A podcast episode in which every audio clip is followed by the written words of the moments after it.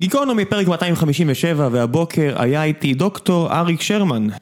אריק הוא דוקטור לכלכלה, אה, עשה את הדוקטורט שלו באוניברסיטת בן גוריון, אה, הוא מלמד עכשיו ברופין, אה, וחוקר את כל מה שקשור לכלכלת עושר, באלף, ואת כל המושג הזה של עושר מכל מיני זוויות שונות, מלמד מקרו, בפתוחה וברופין ובכל מיני מקומות אחרים.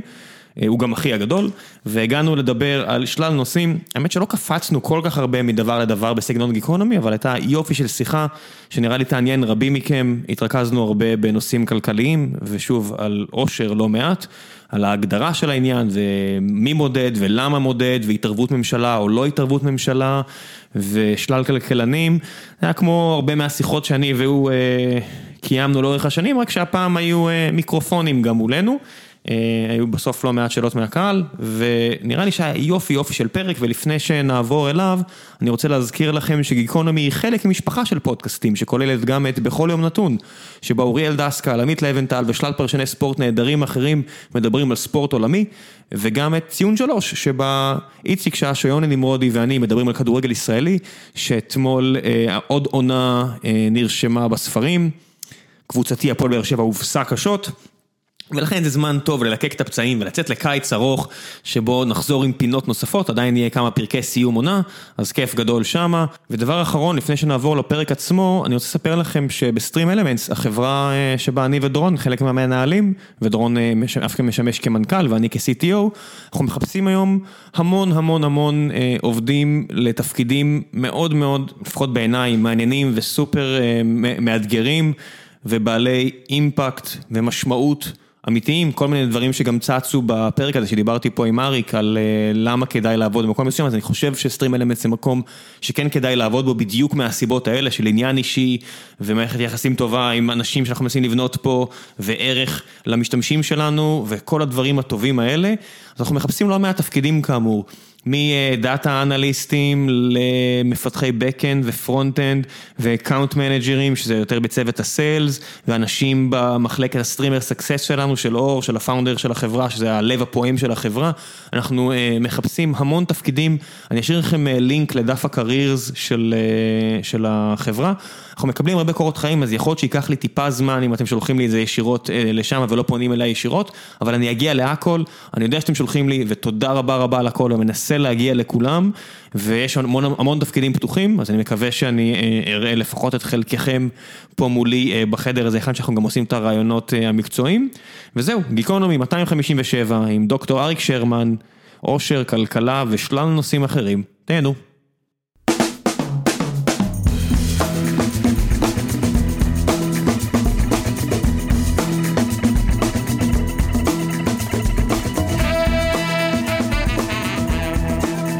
גיקונומי פרק 258 והבוקר נמצא איתי דוקטור אריק שרמן שהוא גם אחי הגדול, מה העניינים אריק? אה, על הכיפאק, תודה רבה על ההזמנה. כן, מזמן לא התראינו, לפחות 14 או 16 שעות, והנה אנחנו פה, והנה אנחנו פה עכשיו.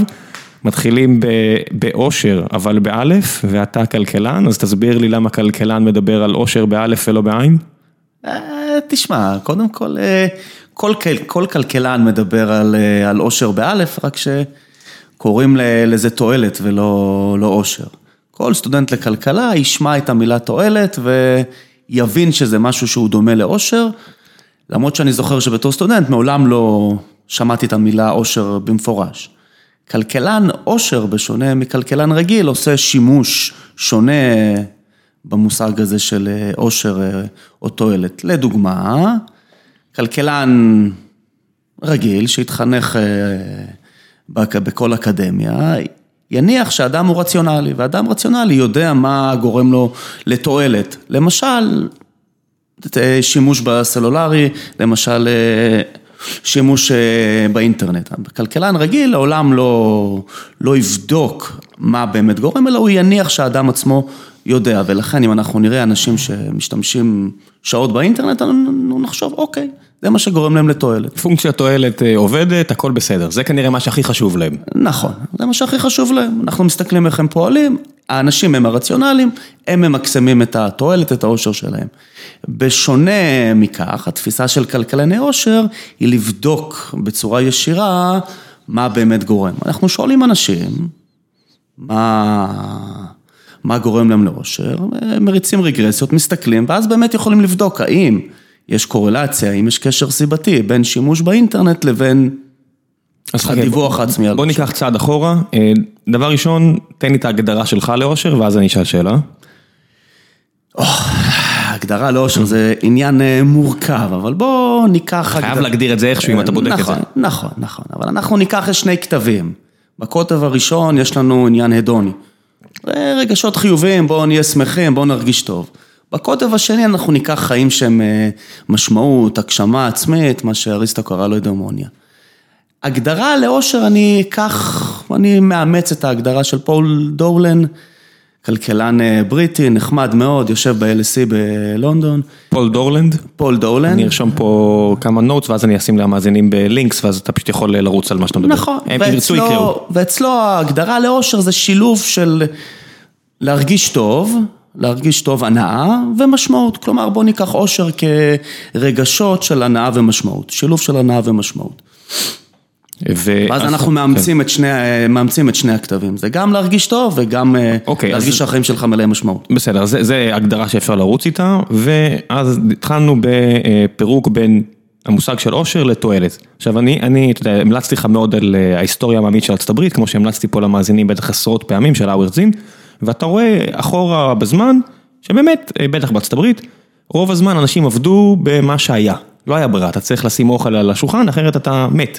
לפני כן אה, חקלאי לא היה עובד בשדה, אין אוכל, מת. עכשיו, שיש אנשים שיש להם כל כך הרבה אפשרויות, בטח בחלק מהתעשיות, כי אני לא מנותק לגמרי, אני מדבר לפחות בתעשייה, בוא נגיד איפה שאני כרגע אנחנו מקליטים, להרבה אנשים יש הרבה אפשרויות. איך זה שאושר, זה באמת לא המניע שלהם, זאת אומרת, כל כך הרבה אנשים נמצאים במקום שלא מסב להם אושר, והם אפילו יגידו את זה. איך הם לא עושים משהו בנידון, זאת אומרת, איך יבוא הכלכלן ה... לא יודע מה, חבריך מהצד השני למפה הפוליטית-כלכלית, כל העומר מואבים, אורי כצים, כל מיני כאלה, ויגידו, עובדה, הם לא משנים עבודה, כנראה זה לא חשוב להם. אה, מתי זה נשבר הרציונליות הזו? לא יודע אם זה נשבר רציונלית, אבל אה, לא במקרה, אחד המתחים הגדולים, או אחד, בוא נקרא לזה חידושים של כלכלני עושר, הוא החשיבות של עבודה. בעוד שאם אנחנו ניקח הזרם המרכזי בכלכלה, אנחנו נדבר על תועלת. שהיא בעצם סוג של עושר, שלא מורכבת מהעבודה עצמה. אבל העבודה עצמה אנחנו לא, לא רוצים לעשות אותה, אנחנו נאלצים לוותר על פנאי, ואנחנו דורשים פיצוי בצורה של שכר. ולכן, אה, תפיסה רחבה ביותר, תניח שאנשים ברגע, הם מפסיקים לעבוד בגלל שהם רוצים. הם רוצים לשפר את מצבם והם מפסיקים לעבוד. אחד הממצאים הבולטים מתוך כלכלת עושר, שאבטלה זה אחד ה... אחת החוויות הנוראיות ביותר שאדם יכול לחוות. זאת אומרת, זה כל כך גרוע, שאפילו בשביל הסיכון, שאפילו כהייטק, אפילו כשבועיים שלא יהיה לך עבודה, אתה תימנע מזה. אה, לאנשים משכילים אבטלה היא תופעה... תופעה נוראית במיוחד. לעובדי הייטק, בגלל שיש להם ביקוש רב, אז יכול להיות שאפשר לקחת את הסיכון של אה, שבועיים להיות בלי עבודה, וכי אתה יודע ש... ועדיין, לא, אני אומר, ועדיין, אם אתה, אתה מסתכל סביב, אתה אומר, זאת אומרת, אני מסתכל רציונלית, יש כל כך הרבה בוסים שאני מכיר, יזמים, לא איך שלא תקרא לזה, כי לא כולם יזמים, חלק מבוסים שכירים, שהם נוראים ביחסי אנוש שלהם. ומאמללים את העובדים שלהם, ממש מאמללים. עכשיו אתה אומר, רציונלית, הבן אדם, סיטואציה שהוא מגיע בבוקר והוא מבואס, כי הוא צריך להתעסק עם הבן אדם הזה, ובדרך כלל רמת העושר שלך בעבודה הרבה תלויה בבוס שלך, כי אתה חייב להיות באינטראקציה איתו, בניגוד לעובדים אחרים. אני אומר, איך השוק לא מתקן את הדבר הזה? אם יש, אתה יודע, כל כך קל היום, יש כל כך הרבה ביקוש לעובדים, למה זה לא, למה זה לא מתוקן? למה זה לא מתוקן על ידי השוק? אה, אני לא, לא יודע להגיד לך למה זה לא מתוקן על ידי השוק. בהנחה ולא, בהנחה ובאמת אני צודק וזה לא מתוקן. תראה, אנחנו יודעים שצריך כסף. אפשר לדבר עד מחר על הנאה מעבודה ועל על אה, משמעות מעבודה, אבל בסופו של דבר אנחנו צריכים כסף. אף אחד לא, אף בן אדם רציני לא יגיד לך שכסף לא חשוב. אה, אפשר להתווכח לגבי האם כמויות גדולות מאוד של כסף משפרות את המצב שלנו, זה עניין אחר, אבל אנשים צריכים כסף, לכן להחליף עבודה בשביל אה, לשפר את המצב שלך במונחי אה, happiness, במונחי meaning, זה דבר risky, בכל זאת יש פה כן. עניין של trade-off. אתה תהיה יותר מאושר אם יש לך מספיק כסף, אתה תהיה אומלל אם אין לך מספיק כסף. לכן במובן הזה השוק הוא מתנהג בצורה סבירה, כי אנשים עושים תחלופה, אוקיי, אז העבודה הספציפית הזאת פחות טובה לי, אני פחות נהנה בה, אבל אני מקבל מספיק כסף בשביל אה, לפצות. אפשר כמובן להחליף מקום עבודה, אבל אה, זה, זה כמעט זה לא. רק meaning וזה לא רק happiness, אלא גם יש פה את ה-income, וה-income הוא מאוד מאוד חשוב. הוא, הוא מאוד חשוב, אתה יודע, כולם אומרים באמת על אושר והכל, והרבה מחבריי הטובים יותר תמיד אומרים לי, אה, נגיד, שזה מישהו שאני מאוד תמיד מתייעץ איתו, והוא אומר תמיד המקום, הסיבה הכי גדולה לעזוב עבודה, שהעובדים שלך יעזבו, זה כי הבוס לא מספיק טוב. זאת אומרת, הוא לא, הוא, הוא לא בא להם טוב, ובסופו של דבר אני אומר, הסיבה היחידה שבן אדם יקום וילך, אם אני עכשיו רוצה להביא מישהו ממקום אחר, יש לו מחיר. בסופו של דבר, אני, אני, אתה יודע, גוגל עכשיו יבוא ויגיד, אני אציע לך פי שלוש, לא תקום ותלך, כי עובדתית, 90% מהאנשים, 99.9% מהאנשים יקומו וילכו. זאת אומרת, כסף זה המרכיב היחידי כמעט במשוואה, בניגוד למה שכולם אומרים, שהוא באמת חזק מאוד מאוד מאוד מאוד. אין עוררין שכסף זה דבר חשוב, אין, אי אפשר לטעות בחשיבות של כסף. שוב, אם אתה ברמות הכנסה נמוכות, ואתה יציעו לך לשפר את ההכנסה שלך, זה דבר חשוב. אה, השאלה היא מה אתה מוותר, השאלה היא מה אתה מוותר. בשביל לשפר את ההכנסה ברמה נמוכה, מצוין. כשאתה כבר נמצא ברמת הכנסה סבירה, ואתה שוקל להחליף מקום עבודה שמציע לך, יש מחקר יפה שמראה, מציעים לך תוספת של 50 אחוז אה, תוספת לשכר. שזה לכל הדעות שיפור. שיפור עצום, 50 אחוז תוספת לשכר. גם אחרי מיסים, אז 25% לנטו. כן, בהתחלת המדרגת מס גבוהה. ומה האלטרנטיבה? כמובן שאם זה רק עוד 50 אחוז תוספת, אין שום בעיה. אבל אנחנו בתור כלכלנים, וזה לא משנה איזה כלכלנים, מבינים שהדבר המרכזי זה לבדוק את האלטרנטיבה. אז באותו מחקר בדקו אלטרנטיבה פשוטה, חצי שעה נוספת בפקק. פחות. נוספת, נוספת, כלומר... בתמורה ל-50% האלה. כן, תעמוד עוד חצי, עוד חצי שעה בפקק ותקבל עוד 50 אחוז. זאת נראית עסקה שהיא כל כך קל לקבל, לשנות את מקום העבודה. ועובדה, בגרמניה עוקבים אחרי אנשים, יש בסיס נתונים אה, כן. פנטסטי לאושר, וראו שלכסף כמו להרבה דברים אחרים אנחנו מסתגלים. כלומר, בשנה הראשונה אחרי השינוי, יש עלייה בדיווח העצמי של השביעות רצון, אבל שנתיים, שלוש לאחר מכן, התוספת של ה-50 אחוז ההכנסה ל...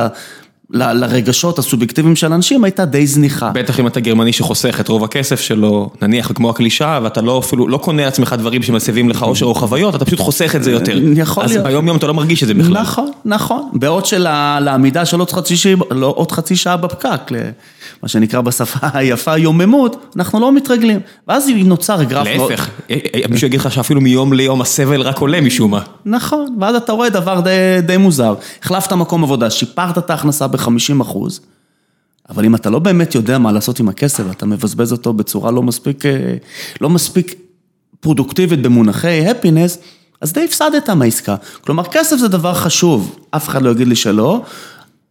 מה אתה נותן בתמורה? גם דבר חשוב. וזה מחקר שאותי כל פעם מחדש מהמם.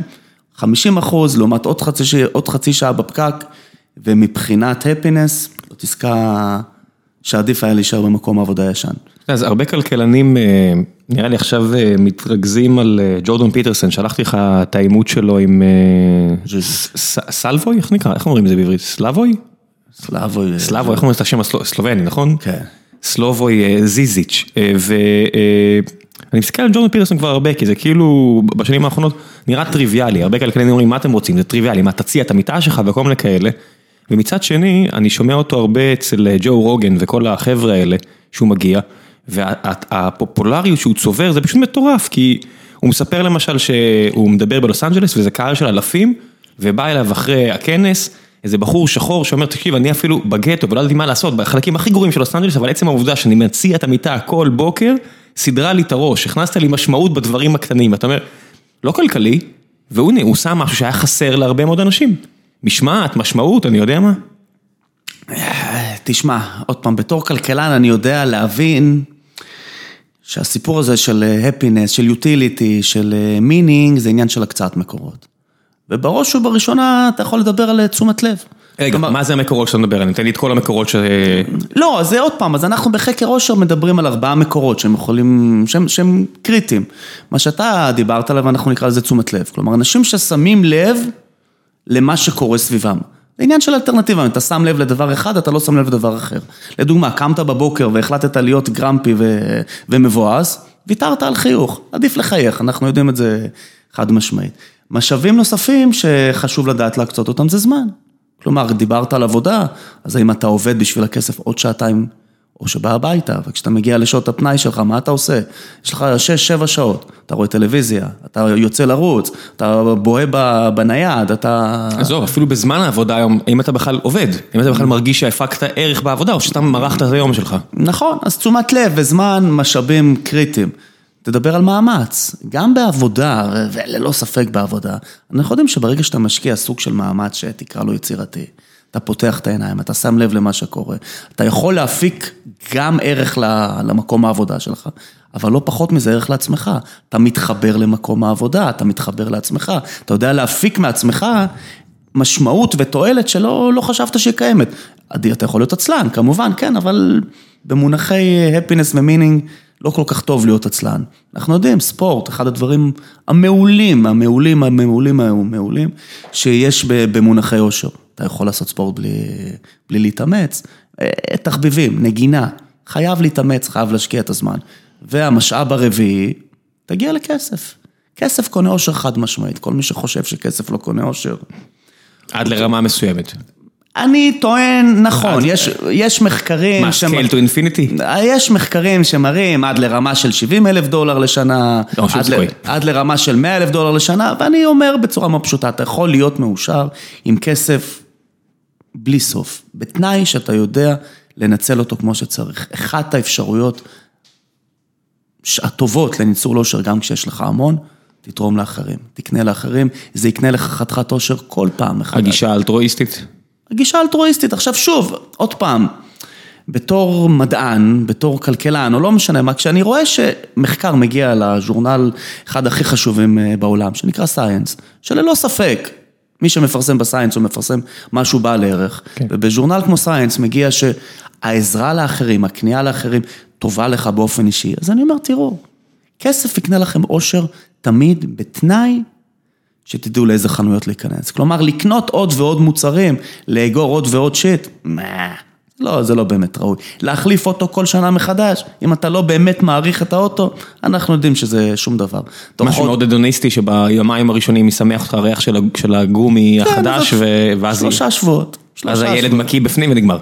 כן, שלושה שבועות, לפי קהנמן זה שלושה שבועות, אתה כבר, אה, אתה כבר מבחינת חוויה, אתה, זה לא באמת משנה. לכן אם אתה משקיע את הכסף שלך, אתה עובד מאוד קשה, אתה משקיע מאמץ, ואחר כך מבזבז אותו בצורה שהיא לא פרודוקטיבית מבחינת אה, זה דבר אה, שאפשר להסביר אותו בכך שהופ, התרגלת. אבל גם ברמות הכנסה גבוהות, אם אתה צובר לעצמך מספיק קפיטל, כן, ופה אני מדבר כמו כלכלן, לא קפיטל שנקרא מכונה פיזית, אלא קפיטל שכאלה מכנים אותו בשם הון, הדו, הון הדוני.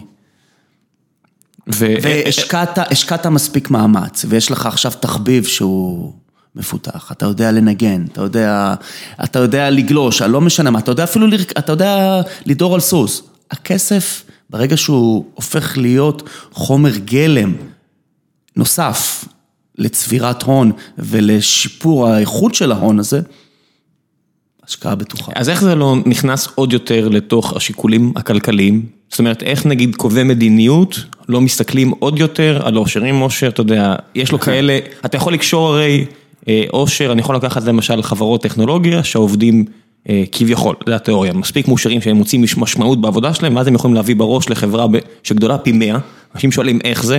כי כל עובד בחברה הקטנה עושה עבודה פחות או יותר של, של 100 אנשים בארגון הגדול, שפשוט שונאים את העבודה שלהם. ואז אתה אומר, איך זה לא מחלחל לקובעי מדיניות? תראה, א', מבחינת עבודה אתה צודק לגמרי, יש אה, מספיק מחקרים שמראים על התועלות האובייקטיביות של אושר, ואחת מהן היא באמת אה, עובדים יותר פרודוקטיביים. הרבה יותר. הרבה יותר, לא יודע אם הרבה יותר, הרבה מחקר שאני מכיר זה סדר גודל של 7-8 אחוזים. אתה מדבר על פריון. על פריון. כי פריון נמדד בכסף שנכנס, והסטארט-אפ יכול פשוט להיכשל לגמרי, ואז נכון. יגידו שהפריון היה אפס. זה גם עניין של מוטיבציה ונאמנות כן. ומשמעת. אבל אז אתה מחבר את זה לקובעי מדיניות. אז כמו הרבה דברים טובים שהתחילו באנגליה, אנחנו יודעים שבאנגליה יש דיון ער. בנושאים של אושר, יש משרד, יש כלכלנים שעוסקים... מה זה משרד? יש כאילו minister of happiness? לא יודע אם minister of happiness, אבל יש דיונים שביניהם פול דולן ואוזוולד ולייארד, שהם כלכלנים חשובים מאוד בזירה של האושר, והם מייעצים לממשלה. לעומת זאת בישראל, עכשיו הולכים להקים ממשלה חדשה, אני משער... ארבעה מוצרים. ארבעה מוצרים, למה לא אחד בנושא אושר? שיהיה אחד בנושא עושר. אם יש, אה. אם יש שר לענייני כלום ושר לענייני שום דבר, אז אה, למה שלא יהיה שר לענייני עושר? לא, יהיה סגן וזה- שר לענייני. סגן- אז יהיה סגן שר לענייני עושר, וזה באמת יכול לתרום. זה יכול לתרום המון בעניין של הקצאת מקורות. מה הוא עושה? מה מה נגיד משרד כזה אידיאלית היה עושה? אם כבר מוצאים עוד משרד אה, מכספי המיסים, מה המשרד הזה עושה? יכול להמליץ, יכול להמליץ למשל על הקצאת מקורות נכונה. אם בדוגמה הקודמת שדיברנו על זמן אה, נסיעה, אז בואו נחשוב על תרחיש שהיה לפני שנה, שבו יש לממשלה עודף בגביית המיסים. זה כבר נראה די רחוק אה, השנה הזאת, אבל עד לפני שנתיים היה עודף בגביית המיסים, ויש לשר האוצר עכשיו מיליארד שקל שהוא שוקל מה לעשות איתם. הוא יכול להוריד מיסים, ואז כל אזרח יקבל עוד אה, 300, 400, 500, אלף שקל לנטו בשנה, או להקל אה, ולו במעט. יכול להוריד את החוב, אני יודע, יש הרבה אפשרויות. נכון, נכון, זו אפשרות שלישית, או לא, לצמצם ולו במעט את העמידה בפקקים. מבחינת עושר, אנחנו יודעים שתוספת של 500 שקלים למשכורת תהיה פחות אפקטיבית מאשר לעמוד אה, פחות זמן בפקק. כן, יש פה עוד משהו, אתה יודע, כי הרבה פעמים בעבודה בפקקים זה לא תוכנה, אני צריך עכשיו לעשות את העבודת תשתית הזו, והאנשים בשנה הזאת שהם צריכים לעמוד יותר, כדי שעכשיו 100 שנה יעמדו פחות, ממש ישנאו אותי. נכון, אבל עניין של כסף, עניין של הקצאת מקורות, עניין של מודעות. כסף ותשומת לב, אני פתאום מנתב את התשומת לב עליי. נכון, עניין של מודעות. עכשיו, אם מישהו חושב במונחים אה, סטנדרטיים, כן, בואו נגדיל את התוצר, בואו נגדיל את הפעילות הכלכלית, זה יכול להיות נחמד, זה חשוב, אבל אנחנו יודעים מתוך העדויות הבינלאומיות, שבמדינות כבר עשירות, וישראל לשמחתנו הרבה היא מדינה עשירה, עם תמ"ג לנפש שהוא באמת מכובד. כן, top 30. זה top 30, אנחנו top בהחלט... 40, מה זה משנה, משהו כזה. לא, אנחנו נמצאים, אנחנו מדינה... אחוזון ראשון, כאילו 10-20 בעולם. לא, קצת יותר, לא, לא 10-20 לא, בעולם. 10 אחוזון, אה, עשירון, 10-20. זאת אומרת, מתוך 200 מדינות אין הרבה, מה יש, 80 אחוז יותר לה- עניים מאיתנו. אפשר לבקר, אפשר להגיד הרבה דברים. מבחינת כלכלה, מבחינת נתונים אובייקטיביים, כלכלה הישראלית במצב מצוין. אבל אנחנו יודעים שברמות הכנסה גבוהות, הקשר על פני זמן בין יותר תוצר לנפש לבין יותר שביעות רצון בקרב האזרחים, הוא לא כזה חזק. אז יבוא, יגיד לך, לא יודע מה, איימן עודה שנאם פה ואמור להגיע עוד כמה שבועות לפודקאסט, אז אל, תפס, אל תעשה את זה למחלפים בגוש דן, תן את זה לציבור הכי עני שהוא בטוח לא מאושר. תחזק את החוליה הכי חלשה בשרשרת, אתה יודע, אל תסתכל רק על ה... על השלושה מיליון בגוש דן, או תרחיב את זה גדרה חדרה, או אפילו, לא יודע מה, באר שבע חיפה, יש עוד, מעבר. נכון, אבל אנחנו גם יודעים שזה עניין של תמריצים. כלומר, אתה תיתן עכשיו לאנשים אה, כסף שהם לא, לא עבדו, שלא... נחת עליהם מהשמיים שק. כן, נחת עליהם שק, אז אתה יכול לעוות להם את התמריצים. לכן אני, אני באופן אישי לא בעד לחלק, ל... בצורה, לאוכלוסיות? ב, לחלק בצורה שרירותית. אני כן בעד התערבות של הממשלה, אני כן בעד... הלוואי שיהיה שר, לענייני, שיהיה שר או שרה לענייני עושר, שיקבעו מדיניות שהיא בין היתר הוצאת כסף מצד הממשלה לטובת פרויקטים לאומיים, ועושר לאומי הוא פרויקט חשוב. אז אתה אומר, נניח ויש שר כזה, יקום לך בן אדם ויגיד, אבל האושר של א' הוא לא האושר של ב'. ולפעמים זה בקונפליקט מוחלט, זאת אומרת, יש אנשים שמסבים אושר משמירת שבת, ויש אנשים שמסבים אושר מלשבור את החרם על השבת. אז אתה יודע, תגיד, אז המדינה צריכה מה, למצוא את מה שיש קונצנזוס כמה שיותר רחב? אה, כן, עושר מרבי לכמה שיותר אנשים, כן, זה עיקרון שמלטוס טבע כבר לפני הרבה שנים. אנחנו לא יכולים אה, לשפר את מצבם של כולם, אבל אנחנו כן יכולים להיות מודעים לגבי שלל עדויות שכבר נאספו, ובשלל העדויות האלה אנחנו יודעים שיש פרמטרים שיכולים לשפר את השביעות רצון של האוכלוסייה. הון חברתי, הון חברתי לדוגמה, כן, האמון בין האנשים. הקהילתיות זה דבר שהוא סופר חשוב. זה למשל יכול להסביר, הקהילתיות, למה הדיווח בישראל על עושר הוא גבוה, למרות מה שמצטייר כמדינה שקשה לחיות בה. אנחנו עמך, אוהבים לחיות אחד עם השני, חברותא, זה, זה דבר חשוב. אה, טבע, שמירה על הסביבה. יש הרבה דברים שמדינה יכולה לעשות, להוציא כסף ולעזור לאנשים. גם במונחים כלכליים וגם במונחים של רווחה שהיא סובייקטיבית. אז יבוא ויגיד לך שוב, אני מזכיר את, אה, את החברים אורי כץ ועומר יואב שהיו פה, והרבה מהמאזינים מאוד אוהבים אותם, אומרים להפך, אז אתה רוצה לדאוג שאנשים יהיו מאושרים, אז אל תיקח להם כסף ושהם ימצאו את הדרך, אבל אתה אומר שהם לא, לא דואגים לזה בעצמם? לא, לא, לא. למשל הבננה של עומר מואב וכל הדברים האלה שאתה מת עליהם. אתה, תשמע, זה חלומות, זה, זה בסדר גמור, זה יופי, זה... תשמע, רוב הכלכלנים לא מדברים על או בשורה התחתונה, או שכן כבר, אני לא יודע. יש שיפט אה, איפשהו? שוב, אני אומר, כולם מדברים על עושר, רק שקוראים לזה יוטיליטי, וכולם מניחים שהאדם הוא רציונלי, כלומר הוא יודע לדאוג לעצמו. הוא, הוא יניע, את, הוא יקבל החלטות שישפרו לו את התועלת. זה לא כולם, זה כבר, אתה יודע. אני, אתה יודע, קיבלו פה נובל שני ישראל, ישראלי אחד שמת וישראלי אחד שחי, על זה שלא רציונליים. נכון, אז זה כבר תהיה ביקורת. אגב, התיאוריות של קהנמן וטברסקי הם אחת הדחיפות שהתחום הזה שנקרא כלכלת עושר אה, קיבל. תמיכה נוספת תהיה שבאמת המדידה הזאת של עושר מדידה מהימנה. כלומר, זה לא ממבו ג'מבו, אנשים מאושרים, אוי, איזה יופי, בוא נהיה שמחים ומחייכים כולם, אלא אנחנו באמת יודעים שכשהדיווח של אנשים הוא מהימן, כלומר, זה יודעים, מספיק חתני פרס נובל כבר עבדו בשביל ממשלת צרפת, הוציאו דוח, ובאנגליה וב-OECD, אנחנו יודעים שמדידה, עושר היא מדידה מהימנה. כלומר, אנחנו יודעים מה גורם לאנשים טוב, מה גורם להם להרגיש שבעי רצון מהחיים, ואנחנו יודעים שיש דברים שמונעים מהם. גוזלים להם את תשומת הלב, למשל העודף שימוש באינטרנט, למשל העודף שימוש... כן, התחלת לדבר על זה לאחרונה. לש... עודף שימוש ברשתות חברתיות, לכאורה זה דבר מעולה, פותח את כל העולם, אבל אנחנו יודעים באופן חד משמעי, המוח פועל בצורה שונה, אנחנו מתקשים להתרכז. אני רואה את זה אצל סטודנטים, זה לא משהו שהוא. הפרעת קשב אה, כן, גלובלית. נכון, בכל רגע, אני, עוד פעם, אני בתור מרצה חייב עכשיו להתחרות מול משהו מפלצתי שגוזל להם את תשומת הלב. אתה מבקש שיניחו טלפונים, או מניח שהם יהיו אנשים מבוגרים ויעשו את זה, או שאתה מבין שהם לא יעשו את זה?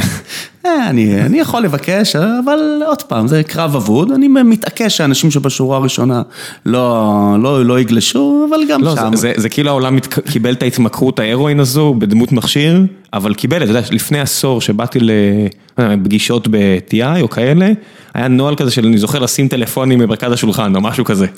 והיום אני לא מדמיין בכלל דבר כזה, מישהו יבקש דבר כזה, אבל שוב, אנשים לא ידעו בכלל איך להגיב לבקשה הזאת. אבל שוב, אתה, אתה ו... זה לא טוב, לא, אני לא, אני, היכולת שלך לנהל שיחה, שאתה מציץ, נגיד יש לנו פה אה, שיחות אה, שותפים, או אה, יותר מזה אפילו דירקטוריון, אם אני נוגע בטלפון וגיל בחדר, גיל הירש עכשיו הוא פעמיים בשבוע פה במשרד, הוא יביא לי מבט של ווייט נכון. ווקר משחקי הכס. אנחנו, הוא, הוא, אני מניח את הטלפון הפוך על השולחן כשהוא מגיע כדי לסמן לו, תקשיב, הקשב פה, ואם אני נופל להתמכרות ונוגע בזה, הוא מביא לי מבט שמבהיר בדיוק מה הוא מאוד. חושב על זה. טוב מאוד, טוב מאוד, ככה צריך, אין, אין, אין תחליף, אין תחליף לזה, הריכוז צריך להיות 100% במה שאתה עושה, והטלפון הזה גוזל מאיתנו, המוח מתמכר, אין מה לעשות, אתה גם נותן את הרציונל, אתה אומר אני חייב לענות עכשיו, הרי עד לפני שנייה וחצי הקימו פה עסקים של טריליון דולר. נכון, אתה לא חייב, אתה פשוט מכור, זה, זה התמכרות קשה מאוד. אז עכשיו לבוא ולהגיד שבתנאים של התמכרות מאוד קשה, אנשים מקבלים החלטות בצורה רציונלית, שבה הם יודעים להקצות את הזמן ואת המשאבים שלהם בצורה מושלמת, לא. אני ממש לא מסכים. אנשים לא מסוגלים כבר לקבל את ההחלטות האלה בצורה מושלמת. ולכן, א', אנחנו צריכים להיות מודעים לכך שאנשים לא ממקסמים את התועלת שלהם. אולי בתיאוריה אנחנו מניחים שהם עושים את זה, אבל הלכה למעשה, כשאנחנו בודקים, לא, שימוש יתר בטלפון הסלולרי פוגע בנו. דוח העושר העולמי שהתפרסם אה, לא מזמן מראה דבר די מחריד, איך, מה קורה לחבר'ה צעירים בארצות הברית. אז זמן שינה שלהם מידרדר, השימוש, הבילוי עם חברים, כן, הדיווח העצמי על עושר יורד, הדבר לא, היחיד זה שעולה זה זה, הפ- שימוש. באינטרנט. לא, הפיזיולוגי זה הרי כל מי שלא יודע מה, פסיכולוגים או כל מיני כאלה שכולם יסכימו שבסופו של דבר עושר, אנחנו יודעים מכונות ביולוגיות, אפשר לדבר- להיות כלכלן כמה שאתה רוצה, אבל אם אתה לא ישן טוב, אוכל טוב, מתאמן. ובריא, הסיכוי שלך להיות מאושר יורד בצורה ניכרת הרי. נכון, ואם נכון. אם ב- כל דבר שפוגע לך בשינה, ומסך שנייה לפני שאתה נרדם, בוודאי. עובדתית פוגע לך בשינה, זה כבר, אתה יודע, הרי יש את הטיעון הזה, מצד השני יגידו, כן, אבל תראה כמה טוב הטלפון הזה, הוא מעלה את הפריון, אני יכול להיות תמיד לענות לאימיילים, לא משנה איפה אני, הפריון כביכול עולה, אבל זה לא, זה, זה לא אחד ואפס, אז פה זה עולה, מצד שני אתה לא מרוכז בפגישות, אתה לא, אתה לא איטי בפגישה. עוד פעם, זה דבר מצוין, אין לי שום מילה רעה להגיד על טלפון ועל הטכנולוגיה הזאת. הבעיה היחידה היא זה הקצאת מקורות לא נכונה. כלומר, אתה משתמש בטלפון יותר מדי זמן. בשום מצב אני לא אגיד שזה דבר גרוע. דבר מעולה, בוודאי. אבל להשתמש. אביוז. להקצות יותר מדי זמן, כלומר, לא לצאת לריצה בגלל שאתה כבול לטלפון, או לא להשקיע בקריאה, או לא להשקיע בפיתוח מחשבה, או לא סתם להשתמם כי אתה תקוע בטלפון, זה גרוע. כן. כלומר, אין פה דיון של אפס או אחד, בוא נחזור לתקופה של בלי טלפונים. לא, אבל אני כן הייתי רוצה שמבחינת הקצאת המקורות שלנו, היא תהיה הרבה יותר טובה. כלומר, פחות שימוש בטלפון, כשאתה צריך, בסדר, אבל פחות שימוש בטלפון, ויותר דברים שהם מחייבים אותך להפעיל סוגי מאמץ, כן. ותצבור לעצמך מה שנקרא הון. יש את הניסוי המפורסם הזה. של הילד עם הקינדר, אתה מכיר את זה? לא. שאומרים לילד בן- שלוש, בן ארבע, אומרים לו, אה, תשב בחדר פה עם הקינדר הזה, עשר דקות אל תאכל אותו, ואם אה, תחכה עשר דקות אני אביא לך שני קינדר. ומסתכלים עליו מבעד לחלון. ואתה רואה את הילדים פשוט, אתה יודע, מסתירים את העיניים, מתחבאים מתחת לשולחן, פשוט לא מסוגלים לבהות בדבר הזה עשר דקות. אני אומר עכשיו אני אגיד פה לחלק מהעובדים, לעצמי, מה זה לחלק מהעובדים? בפגישות האלה שגיל מביא לי בראש, אני אומר, עכשיו אסור לך לגעת בטלפון שעה וחצי, אין שום דבר בעולם שהוא בוער, עכשיו גם אם יש בוער, יתקשרו אליך, ברמת הצורך אפילו אצלנו, המערכת נופלת, באמת נופלת, יש טלפון שמתקשר אליי מאלבמה ואומר לי, הודעה מוקלטת, מה קרה בדיוק. זאת אומרת, אם זה באמת השמיים נפלו, אני אשמע את הצלצול. עכשיו, אין שום סיבה רציונלית שאני אסתכל, ועדיין, ההתמכרות הזאת היא כבר התמכרות פיזית. כן, אין לברוח מזה. זה בדיוק כמו הילד עם הקינדר ש- שרוצה את השוקולד. תשמע, זה... זה מדהים. וזה זה כל כך מהר. יותר- זה הרבה יותר ממדהים. אני קורא לטלפון הסלולרי סוג של שטן, הוא פשוט, הוא גוזל מאיתנו משאבים חשובים מאוד. וכמה מהר, זה כולה מה? זה כולה עשור. כן. עכשיו שוב, אנשים שעובדים עם זה ומפיקים מזה כסף, מצוין, אבל זה- למה לא? זה לא אחד ואפס. אבל אה, לא, לא, לא, זה לא אחד ואפס. אתה יודע, היה בירות לפני 100 שנה, Prohibition. בירה זה נחמד, אבל שכל ארצות הברית- נהיו מכורים לאלכוהול, ואני אומר, לכו לראות את, אה, הסרט אה, של, את הסדרה של קן ברנס על Prohibition ב Netflix, אתה רואה, זה לא הגיע משום מקום. היה להם באמת בעיית אלכוהוליזם קשה בארצות הברית, קשה, קשה. אנשים לא מבינים שאתה יודע, 90% מהאנשים חטפו מכות רצח, כי הבעלים היו חוזרים שיכורים כל הזמן, אתה יודע, זה מספרים, אתה יודע, שאתה לא, לא מאמין, זה גם מתחבר ל- למעמד האישה, הסיפור הזה והכל. אנשים חושבים, הפסיקו להם אלכוהול, איזה שטות. לא, זה הגיע ממקום של ממש מצוקה קשה מאוד. אז זה יכולה להיות דוגמה באמת מאלפת לאיך השוק גורם לך להתמכר, ואתה בעצם חוצה רף מסוים שבו אתה לא מתפקד, הממשלה מתערבת, לכאורה באה... מתערבת אבל בצורה גרועה מאוד. כן, לכאורה היא באה לפתור בעיה אחת, אבל בעצם היא יוצרת בעיה אחרת. כן. כלומר, יש לנו ביקוש והיצע, וזה לא משנה איזה כלכלן אני, אי אפשר באמת להתמודד עם כוחות של ביקוש והיצע, כן? אם יש ביקוש לאלכוהול ואתה מונע את הייצור של האלכוהול, אז יהיה שוק שחור ואנחנו... כן, אתה רואה את זה עם הימורים. כן, וייווצר לנו פשע. לכן זה עניין של מינונים, וזה עניין של חינוך.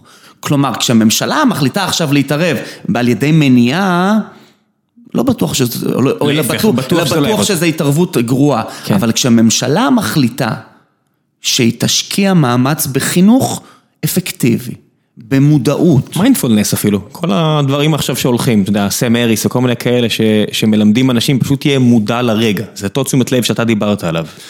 נכון, מודע לרגע, ו... לא, אבל מודע לרגע, זה, אם אתה, מוד, אתה מניח שאתה צריך להיות מודע לרגע וזה השאיפה, בבירור אתה צריך להניח את הטלפון רחוק ממך, כי אתה מבין שזה בלתי אפשרי להיות מודע לרגע עם הטלפון. נכון, נכון.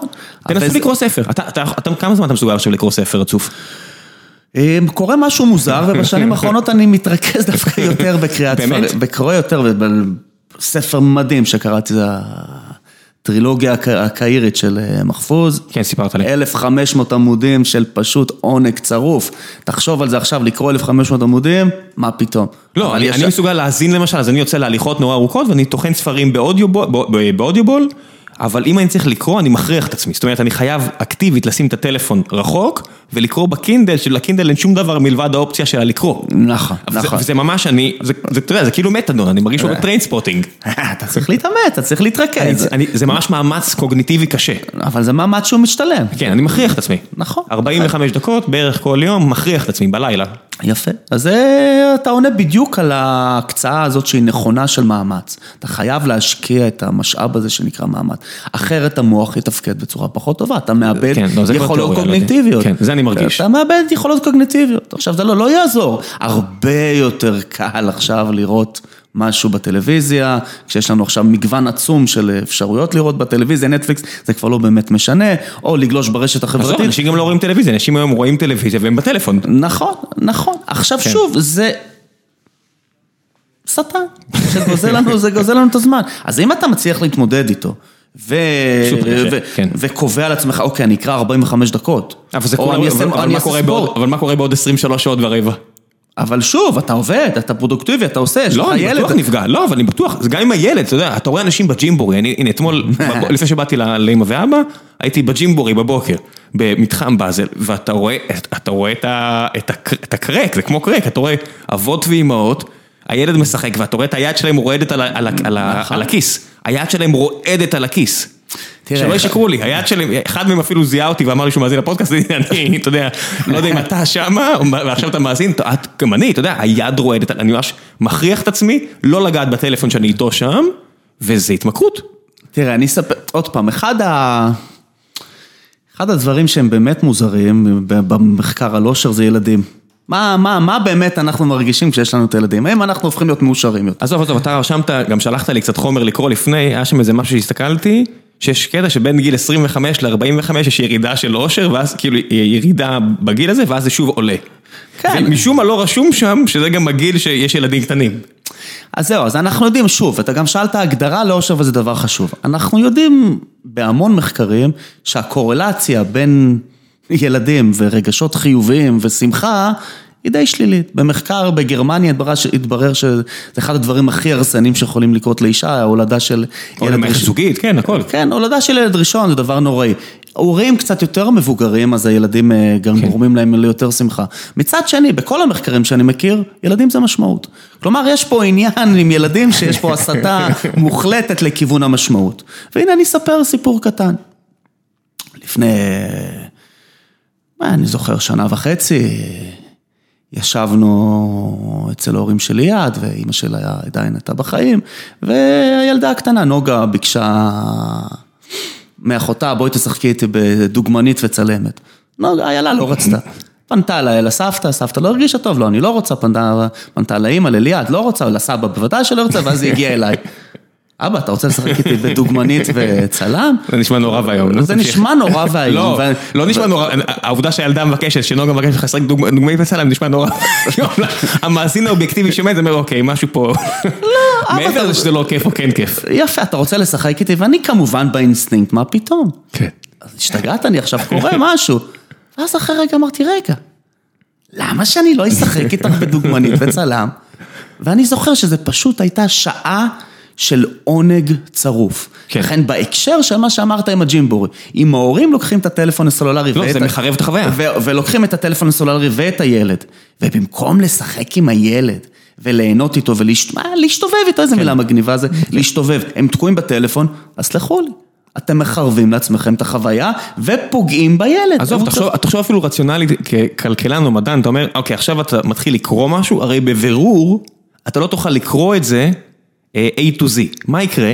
מישהו, אתה תצטרך להסיט את תשומת לב כל הזמן, ותהיה לך עכשיו פתאום אה, ספייק של רגשות שליליים, כי מישהו קטע לך את היכולת לקרוא מה שרצית. אז אתה בעצם מכניס את עצמך לסיטואציה שאתה הולך לכעוס על הילד, בלי שהוא הוא לא אשם. ברור שהוא לא אשם. הוא, הוא, הוא צריך לא ליפול על הראש ושאשתך תכעס עליך, כי יש לו פנס בעין והוא לא ברור מאיפה הוא הגיע. נגיד סיפור מונפץ, אבל אני אומר, הוא לא אשם בזה. ואתה בעצם מכניס את עצמך לסיטואציה שהיא גרועה מאוד מבח- מבחירה. נכון. אם אתה מתחיל לקרוא בסיטואציה שבה הקשב שלך לא יכול להיות רציף, אתה גם לא תפיק הנאה מהקריאה הזאת כנראה, וגם תכעס על הילד. נכון. בצורה לא מודעת. זאת אומרת, אם אתה מספיק מבין- שזה מה שקורה. ואתה רואה אנשים צועקים פתאום על הילד שלהם, ואתה אומר, מה אתה מפגר, מה אתה צועק על הילד שלך? הוא, הוא מנסה לעמוד על העגלה. זהו, זה בדיוק העניין, ש... וזה, אני מסתכל על זה מהצד, וזה בבר- בברור זה, הוא הפריע לך לעשות משהו שרצית באותו רגע, במקום שפשוט תניח את זה ותעשה את זה שנייה אחרי זה. תראה, שוב, סלח לי שאני חוזר למעלה... מחקרי ג'ימבורי. לא, לא, לחשוב כמו כלכלן, לחשוב כמו כלכלן. שאלו, אני זוכר שקראתי את הזיכרונות של סמואלסון, אחד הכלכלנים החשובים אה, במאה ה-20.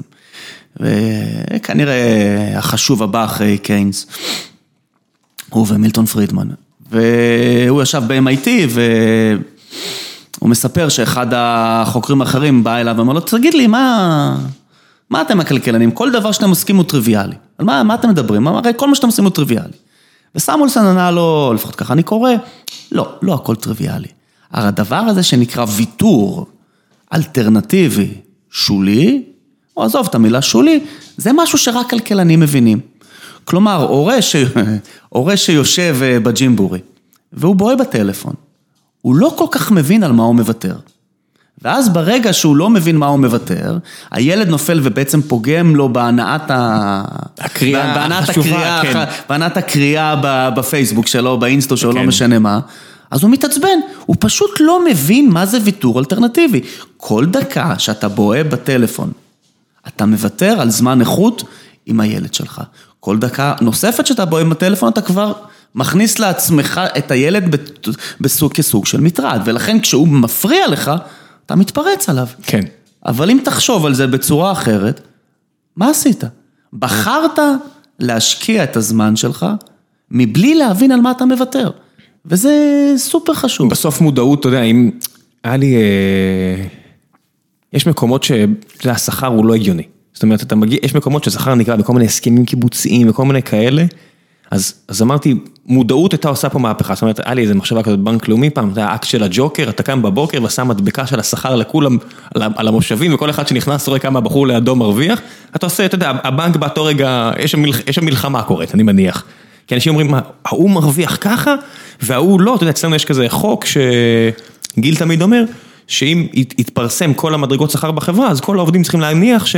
כן, אוקיי, הוא באמת אה, יותר חזק, אז הגיוני שהוא מרוויח יותר ממני. זה, זה צריך להיות החוק יסוד שאתה עושה דיוני שכר עם עובדים. ויש מקומות שלא.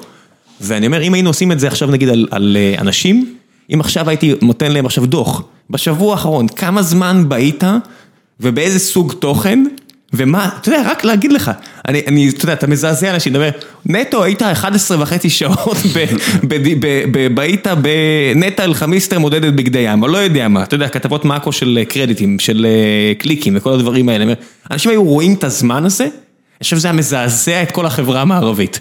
כי כשהם מדברים על פיריון וכל מיני כאלה, אם רק היה ממש מספר מעל הראש של כל בן אדם, איך הוא השתמש בזמן שלו, אני חושב שזה היה מזעזע, תחשוב כמה אנשים אומרים לבת זוגתם, או הפוך, אין לי זמן לעזור לך, אני ככה וככה וככה, ופתאום היה מעל הראש שלהם אה, את המידע הזה זמין לכולם, אתה לא היית מסוגל להוציא את המילים האלה מהפה, לא היית מסוגל להגיד אין לי זמן להיות עם הילד כשהיה רשום מעל הראש שלך, שלוש וחצי שעות בהיתי בנטו, כן? כי זה מפוזר, זה פרגמנטד לחמש דקות פה, חמש דקות פה, חמש דקות פה, בשבוע האחרון הייתי ארבע וחצי שעות בככה וככה, זה היה מזעזע את כל, ה- כל המציאות שלנו.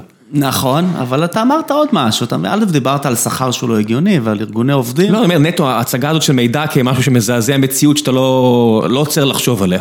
יפה, אז משהו שאותי תמיד מזעזע כשאני מסתכל על נתונים כלכליים, זה כשאני שם לב, אה, דבר די ידוע, שזה באיזשהו שלב, שבמקרה או לא במקרה, זה השלב שבו התיאוריה הקיינסיאנית אה, ירדה מהבמה, נשבר הקשר בין פריון עבודה, כלומר עד כמה אנשים עובדים, כמה אנשים, עבודה לכסף. כמה אנשים מייצרים בשעת עבודה, מייצרים, כן. לבין השכר שלהם.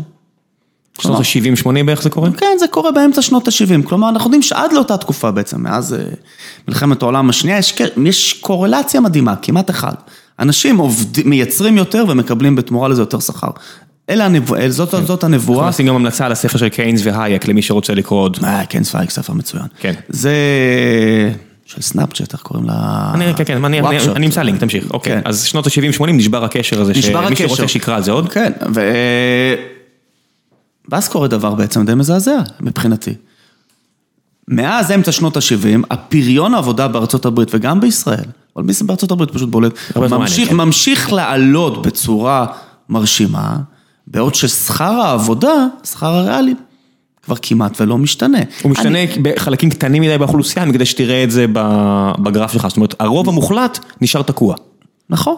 כלומר, הרוב המוחלט לא היה תקוע עד אמצע שנות ה-70, בעוד, שה- בעוד שהרוב המוחלט נשאר תקוע. תקוע אחרי שנות ה-80. כן. וזה שוב, זה אחד הדברים ש...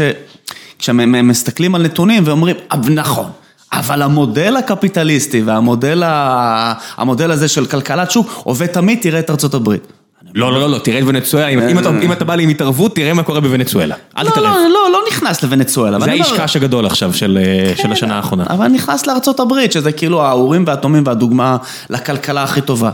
אבל בעצם תוצר, תחשבו למה אתם מקבלים, אבל אה, הולך מה-happiness, כן? בואו נדבר על כלכלה אולד סקול, תוצר, למה אנחנו צריכים? אנחנו צריכים את זה לתעסוקה ולהכנסה. אז אנחנו יודעים שמאמצע שנות ה-70 נשבר הקשר בין פריון לבין הכנסה. כלומר, שכר העבודה הריאלי ל-90% מהאמריקאים, זה המספר באמת 90 אחוז? ל-90 אחוז מהאמריקאים, רב שראיתי לא מזמן, ל-90 אחוז מהאמריקאים כמעט ולא משתנה. בשנה האחרונה הוא טיפה, בשנה, שנתיים האחרונות הוא טיפה עולה, אבל ל-90 אחוז הוא כמעט ולא משתנה, גם בישראל. תסתכלו מה קורה למחירי הדיור עולים, ומה קורה לשכר הריאלי, זה דבר די מזעזע. בעוד של 10 אחוז כמובן שהשכר עולה. הפריון, כן. קשר בין הפריון לשכר נשבר.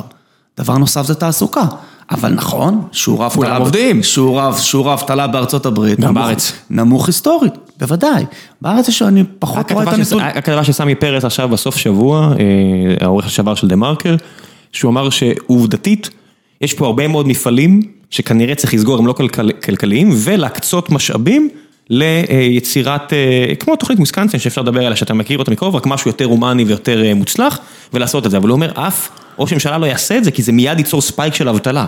זאת אומרת, אם תסגור עכשיו הרבה מאוד, או לא, תעזור, או לא תחזיק בחיים הרבה מאוד מפעלים, שאתה צריך כנראה לנתב את האנשים האלה כל עוד יש זמן למקומות אחרים, אתה תיצור דבר ראשון אבטלה נורא גדולה. תראה, אני לא יודע מה זה, מי מחזיק בחיים. אני לא רואה שנותנים סובסידיות פה למפעלים, אז אני לא יודע מי מחזיק אותם בחיים. אני יודע שנותנים, לא? אה, כמעט ואין סובסידיות. בשיא, כשמסתכלים על אה, שנות ה-70 בישראל, השיא של הסובסידיות... אה, אינטל מקבלים, זה אחד המעסיקים הגדולים בארץ, מקבלים סובסידיות ענקיות. אבל זה לא, עוד פעם, זה כוחות השוק יגידו, לאינטל יש אלטרנטיבה מאוד חזקה, הם ילכו לאירלנד, ילכו לאירלנד מחר, אז אתה חייב להיות תחרותי. אתה יודע, יש פה הרבה אנשים סביבי שיגידו לך, אז שילכו, ואנשים ילכו לעבוד בחברות שצריכות עובדים. נכון, אבל אתה מדבר על סובסידיה למוצר, מה ש... או סובסידיה ליצואני, מה שהיה כן. בשנות ה-70. אם אני לא טועה, כמעט 7 אחוזים מהתוצר. היום אני לא, לא יודע אם זה עובר את החצי אחוז. חקלאים אתה, אתה מחזיק אותם באוויר עם כל מיני תעריפים. אתה מגן עליהם. מכסים, מכסי מגן. אתה מגן עליהם עם מכסי מגן ומונע יבוא, אבל כן. אתה לא מסבסד אותם, כן? אולי במחיר של מים, אבל אתה לא נותן להם כסף בצורה ישירה כדי שייצרו. לכן אני עוד פעם, אני לא יודע בדיוק על איזה מפעלים אה, סמי פרץ מדבר. אני מניח שהוא מדבר על השלושה אנקדוטות האלה של אה, אה, פיניציה וכך קוראים לזה? פיניציה. פיניציה ועוד שניים, שני מפעלים אחרים באזור הדרום על ערש דווי עכשיו. אחד בגלל החרם שלה, אני לא רוצה סתם להיכנס לפרטים, כן, אני לא רוצה לטעות. שוב, שוב. אני מניח שהוא בדק אם הוא כתב, אני לא יודע, אני מניח, אבל זו הייתה הטענה, שהיה צריך כביכול, יש הרבה מאוד מקומות בתעשייה שהם מאוד לא כלכליים, זאת אומרת אנשים עם פריון נמוך. שהדבר הנכון בטווח הרחוק היה לעשות הוא מיד לעשות איזשהו מפעל גדול של המדינה ולהקצות אותם עכשיו להכשרה מחדש, אבל זה יגדיל את האחוזי אבטלה, והוא אומר באחוזי אבטלה גבוהים ממשלה נופלת. אה, שוב, אבל כ...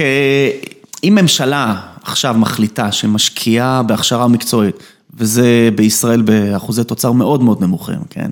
זה בכלל קיים? אם בד... שוב, אני יודע מספר, בדנמרק, אם בדנמרק ההכשרה המקצועית היא סדר גודל של 2% מהתוצר, בישראל אם אני לא טועה זה 0.2, 0.3 אחוזי תוצר אה, מועבר להכשרה מקצועית.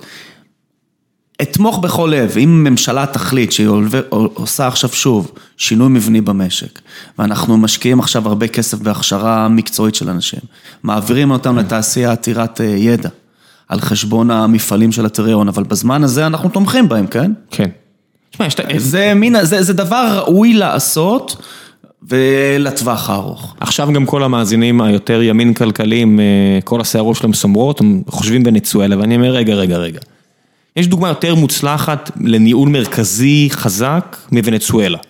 אמנם לא המקום הכי מאושר בעולם, אבל סין שהיא מאוד, אתה יודע, היא כל כך מניהול מרכזי שהיא מחלקת את החברות ענק שלה, זה את תעשי רק AI, את תעשי רק חיפוש, את תעשי ככה, שום שוק פתוח, אנחנו ננצח. אתה יודע, הם אומרים, אנחנו פספסנו, היום שמעתי את הפודקאסט של הניו יורקר, הם אומרים שסין מרגישים שהם פספסו את המהפכה התעשייתית, הם מרגישים שהם פספסו את המהפכת מידע הראשונה של סוף שנת האלפיים, הם אומרים, את זאתי אנחנו לא מפספסים, זאת אומרת, אם זה AI, נשקיע 150 מיליארד דולר, אנחנו נהיה ראשונים ב-AI. אם זה מהפכת אה, הנדסת חומרים, וקראתי אתמול משהו בסיינס, אנשים החליטו שהנדסת חומרים הכי טובה בעולם תהיה שם, אז הם מחזירים את האנשים מארצות הברית. מחזירים את האנשים מהאוניברסיטאות הכי טובות בארצות הברית, אומרים, אתם תהיו פה, ניהול מרכזי. ואני אומר, כל האלה, כל ה... שוב, עומר מואב עם דולר עומר מואב, שאני אומר, כאילו, זה יכול להיות הרבה כלכלנים שהם מאוד ימין כלכלי, אומרים, ניהול מרכזי לא עובד, אני אומר, אבל הנה, סין, תוך 15-20 שנה, הפכה ממדינה יחסית בינונית, שהיא רק יצור למעצמה מספר אחת בעולם עוד מעט. נכון, נכון. וזה ניהול מרכזי נטו. נכון, אבל שוב, פלוס יזמות, בטח, פלוס יזמות, כן? אבל עדיין. אבל עוד פעם, ללכת אה, לדיון של אה, קוטב, כלומר, או ממשלה מתערבת מאוד, או ממשלה לא מתערבת בכלל, אני לא אוהב את הדיון הזה. כן, זה מטופש. אני לא אוהב את הדיון הזה. אני מאמין שהשוק הוא הכרחי, בשוק קורים דברים נפלאים, אבל גם בשוק יש... אה, בעיות. יש, יש כשלים. כל הזמן. יש כשלים, כשלים ובעיות. ולכן נדרשת הממשלה להתערב בצורה חכמה. אם אנחנו מדברים על אה, השכלה בישראל, שוב, אין לנו בתי ספר פרטיים בישראל, אז אנחנו יודעים שההייטק הישראלי, אתה והאח הנוסף שלנו, הת- התחנכו באוניברסיטה במימון ציבורי. כלומר, הממשלה, ברגע שהיא ממשלה את ה- לא, משקיעה את אלי גם הכסף... למד בצבא, אתה יודע, גם זה גם משהו שהוא ציבורי מאוד. בוודאי, כלומר, אם הממשלה משקיעה את הכסף בצורה נכונה, בתשתיות, בחינוך, בבריאות, אז אני לא אקנה שום סיפור על אה, שוברים או על קשקושים כאלה או אחרים שהשוק הפרטי יעשה את זה טוב יותר. שטויות במיץ עגבניות, השוק הפרטי לא יעשה את זה טוב יותר. אבל הממשלה... אנשים לא רציונליים, כי הטענה אבל ברור שהממשלה, אם היא תשקיע את הכסף ותתערב יותר מדי ותשקיע אותו בצורה מטופשת, היא יכולה ליצור כשלים. אבל לבוא ולנהל לנהל דיון של או ונצואלה, או ארצות הברית, הוא דיון בעייתי. אבל גם ארצות הברית היא מלאה ברגולציה, אתה יודע, אנשים לא מבינים. הנה, אני שמעתי, גם סיפרתי לך על זה אתמול, ששמעתי על ה-Department of Energy. זה נתפס אצל הרבה מאוד ימין כלכלה, ימין כלכלנים, כי אה, זה בזבוז של 30 מיליארד דולר בשנה ממשרד ארצות הברית.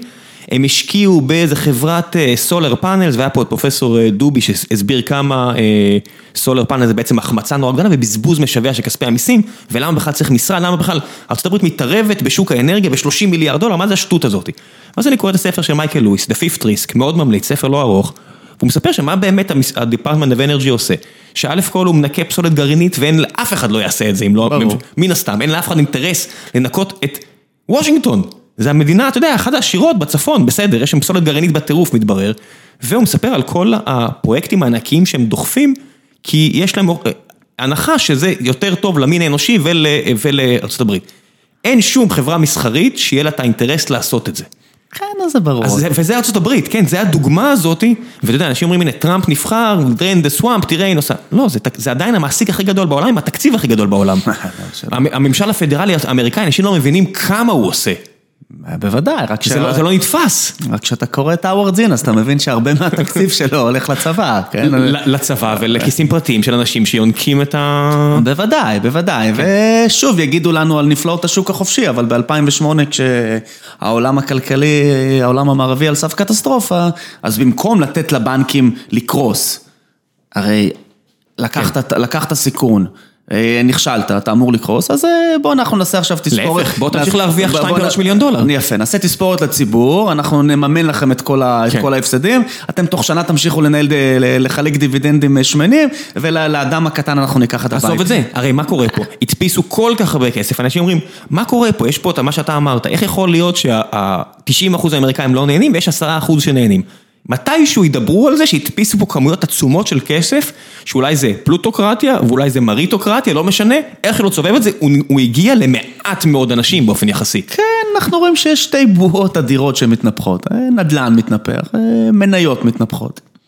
הכסף הזה מתגלגל לאנשהו.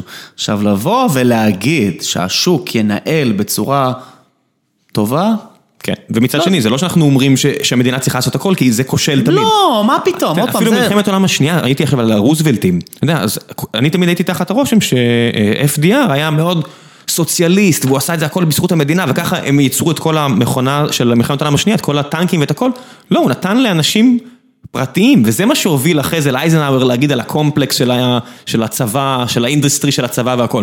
כי רוזוולט נתן לאנשים פרטיים את החוזים האלה, והם הפכו להיות מיליונרים ומיליארדרים, בזכות ה... שהם ייצרו טנקים לרוסים ולבריטים. אבל ככה זה הצליח, אחרת זה כנראה לא היה מצליח. הם באמת תוך כמה שנים סגרו פערים עצומים מגרמניה. השילוב הזה של כסף ציבורי עם יזמות פרטית. בוודאי, זה רק שילוב, זה רק שילוב. ועוד פעם, אפשר גם, לפעמים אני שומע, וזה משהו שחשוב להגיד, אני מדבר על קיינס, ואז אה, אנשים אומרים לי, כן, אבל הקומוניזם נכשל. אני אומר להם, מה הקשר? "אה, קיינס הוא קומוניסט. אני אומר לו, לא, קיינס לא קומוניסט. קיינס הוא אדם גאון, שהגאונות שלו, היה כמובן גאון, שהגאונות שלו צצה בכמה, בכמה רגעים בהיסטוריה. ברגע הראשון, זה בהסכם ורסאי, זה חשוב לדעת. כן, הכי מדהים. זה, זה דבר הוא אמר. הוא אמר את זה און פוינט, 1019 הוא אומר, אה, אם אנחנו עושים את ההסכם הזה, יהיה עוד מלחמה. כן, עכשיו זה דבר די מדהים, כלומר צד שמנצח לא יקנוס את הצד המפסיד בצורה פרועה. פרועה. כי הצד המפסיד, יש לו את הכבוד הלאומי ויש לו... עזוב את זה, הוא אמר, אתם תהרסו את הכלכלה ויהיה נכון, כוחות... כי אה, יש, יש כוחות כלכליים חשובים. ועובדה, ציין- קיינס צדק. וזה גם, אתה יודע, גם אתה רואה מהצד השני את הייק בספר הזה, שהוא באמת היה בתקופה הזאת באוסטריה, נכון. שקרסה. נכון, ודבר, ורגע נוסף, ורגע נוסף, זה באמת היה משבר של שנות ה-30. כלומר, אפשר לבוא ולדבר על שומפטר שמדבר לסטודנטים שלו, חבר'ה, אל תדאגו מ... ארץ יצירתי יהיה בסדר. לא, לא, לא הרס יצירתי, זה, זה ציטוט שאני אוהב. אל, הוא אומר לסטודנטים שלו בהרווארד, אל, אל תדאגו, מיתון זה כמו דוש קר בבוקר. אין שום בעיה, אתם... אה, קורה והכל בסדר. כן, אתם כמה, שתיים, שלוש דקות ואתם אה, מתרעננים. אז נכון, אז אם השוק היה יוצא מהמיתון אחרי שנה, שנתיים, שלוש, היה הכל בסדר. אבל קיינס, הגאונות שלו זה שהוא הבין שכשהעולם משתנה, התיאוריה צריכה להשתנות. ובאמת בספר שאתה מדבר עליו, ו- וגם אחר כך כשקראתי על ליונל רובינס, שהוא היה אחד המבקרים הגדולים של קיינס. כן, הם היו מהיריבים שלהם שהם הגיעו ל... כן, ליונל רובינס. ועם ו- הייק, כן, הוא מופיע בספר. נכון, זה ב-LSE, ו... כן, ב London School of אה, Economics. נכון, הוא הביא את, אה, את הייק ל- ללונדון, כן. וקיינס בקיימברידג', אבל ליונל רובינס הודה בספר שהוא כתב, באוטוביוגרפיה שלו, שהוא טעה. כלומר, כשהוא ביקר את קיינס באמצע שנות ה-30, בשיא המשבר, הוא טעה. קיינס הוא היה גאון בן גאון בזה שהוא הבין שכשהעולם משתנה, כשהמציאות משתנה, חובה לשנות את התפיסה. והיום אנשים שמבקרים ואומרים לי, כן, אבל הקומוניזם השתנה, הם צריכים לדעת שקיינס לא היה קומוניסט. קיינס לא בא ואמר, בוא, הממשלה תחליף את השוק החופשי. לא, הממשלה תשקיע את הכסף, וכתוצאה מכך השוק החופשי רק ייהנה. הממשלה לא מלאימה את גורמי הייצור כמו בשיטה הקומוניסטית. ולכן במסגרת הדיונים החסרי ערך וחסרי התוחלת ש... תמשיך, תמשיך. כן, קיינס- שאלות נכשל. כי, הקומוניזם נכשל. העולם השתנה שוב, אין מה לעשות. כן, זה, זה קשקוש, זה, זה קשקוש. לכן עוד פעם, התפיסה הכלכלית שלי, אבל מה קרה אבל באמת ב- ב- בסוף התקופה הקיינזיאנית? זאת אומרת, למה תאצ'ר ורייגן הם לא נולדו גם מריק? זה כמו שאני אומר על האלכוהוליזם והכל, זה לא שהם הגיעו ממקום שהכל היה טוב והם עשו שיפט לעולם, הרי היה הרבה בעיות אמיתיות. היו בעיות אמיתיות ו... קצת בגלל, קצת בגלל המקום שאנחנו נמצאים בו עכשיו, החרם הערבי, אחרי מלחמת יום כיפור, הפיל את האבן דומינו הראשונה שבאמת עשתה משהו בעולם. נכון, אבל אנחנו גם יודעים שהמחזוריות הכלכלית השתנתה.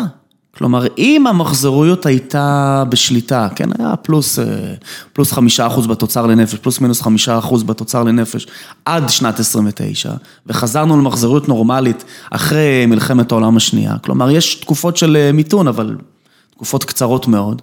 אז בעצם הצורך במדיניות שמנהלת לנו, מדיניות שהיא אנטי-מחזורית, כן? מדיניות שמנהלת את התוצר, היא מרגישה לנו כבר משהו שהוא לא כל כך... דח, הצורך כן, דח. הצורך דח. חוץ מזה, אנחנו יודעים שלהתערבות ממשלה יש, אה, יש השפעות שליליות. אף אחד לא יגיד שכשהריבית עולה, או כשדוחקים החוצה פעילות פרטית, זה טוב. לכן מה שקרה בס... ב- מתרומות. ב- בסוף שנות ה-70, אחרי ששנים המתנגדים של קיינס היו בראשות פרידמן וחבר'ה שיושבים בשיקגו, הם קיבלו את ההזדמנות באמצעות משהו שנקרא נקרא סטגפלציה, כלומר אבטלה ואינפלציה באותו הזמן, משהו שקיינס אמר שהוא בלתי אפשרי. ובשלו התנאים למהפך כלכלי מחדש. פלוס האינפלציה הייתה סופר גבוהה והגיע אה. פול ווקר, וו- וולקר, ווקר, זאת, כן. זאת הסטגפלציה, כלומר בתיאוריה של קיינס אין סטגפלציה. לא אמור להיות. לא אמור, אין דבר כזה, לא אמור להיות, והנה פתאום, תראו בתוכנית, תסתכלו בתוכנית ריאליטי המהממת מכולם שנקראת המציאות, לראיה. כלומר, אותו אדם אה, מוזר שנקרא לו קיינס, טעה. הם שכחו זה לא שהוא פשוט- טעה, המציאות השתנתה. זה בדיוק העניין. שאחרי 30 שנה, אחרי המהפכה של קיינס, ברגע שהמציאות משתנה, אז גם התיאוריות חזרו, חזרו אחורה. שוב, המבחן הגדול יהיה, קרה אחרי, אחרי 2008. בחרו במדיניות מוניטרית, לפי דעתי היה גם צריך להשקיע, במדיניות פיסקלית, בטח, ב, בטח ביוון, הסיפור של אה, מחיקת חובות, אבל אה, עוד פעם, לא עלינו, שלא יקרה התרחיש בלהות שבו... שהכל מתמוטט. שעוד פעם, 29 יחזור שוב רק במילניום חדש.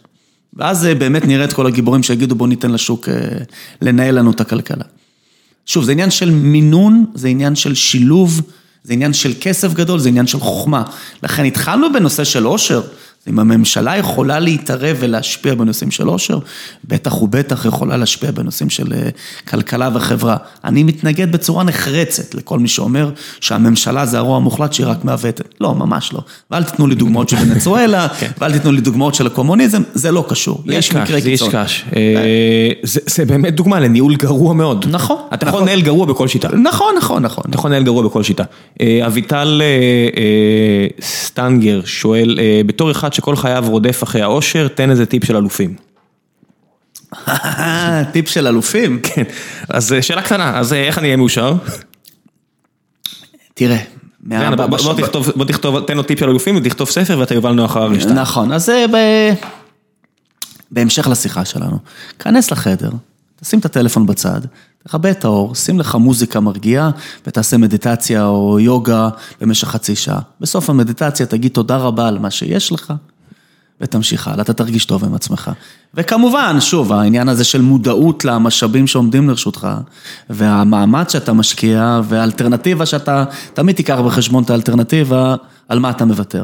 אבל כטיפ קטן, כנס חצי שעה לחדר כל יום, תנתק, תנתק את עצמך מהעולם, תתרכז, תתמקד, תגיד תודה, זה יהיה בסדר. אלי בג'רנו שואל, האם באמת בורות היא אושר? לא. זהו, שזה באמת יש אה, תפיסה שאנשים חכמים, אולי הם פחות מאושרים, או אנשים פחות חכמים יותר מאושרים. אני לא מכיר עדויות אמפיריות שמראות שבורות היא אושר. זאת אומרת, אם, אם לא מספרים לך כמה המצב בעייתי מסביבך... אה, שוב, עוד פעם, המחקרים הם רציניים, אנחנו מסתכלים על אה, בסיסי נתונים. אני לא מכיר מחקר רציני שאומר ש... ראית את הסרט... להיות טיפש זה טוב, לך מבחינתו. ראית את הסרט קובה אין דה קמרמן? לא.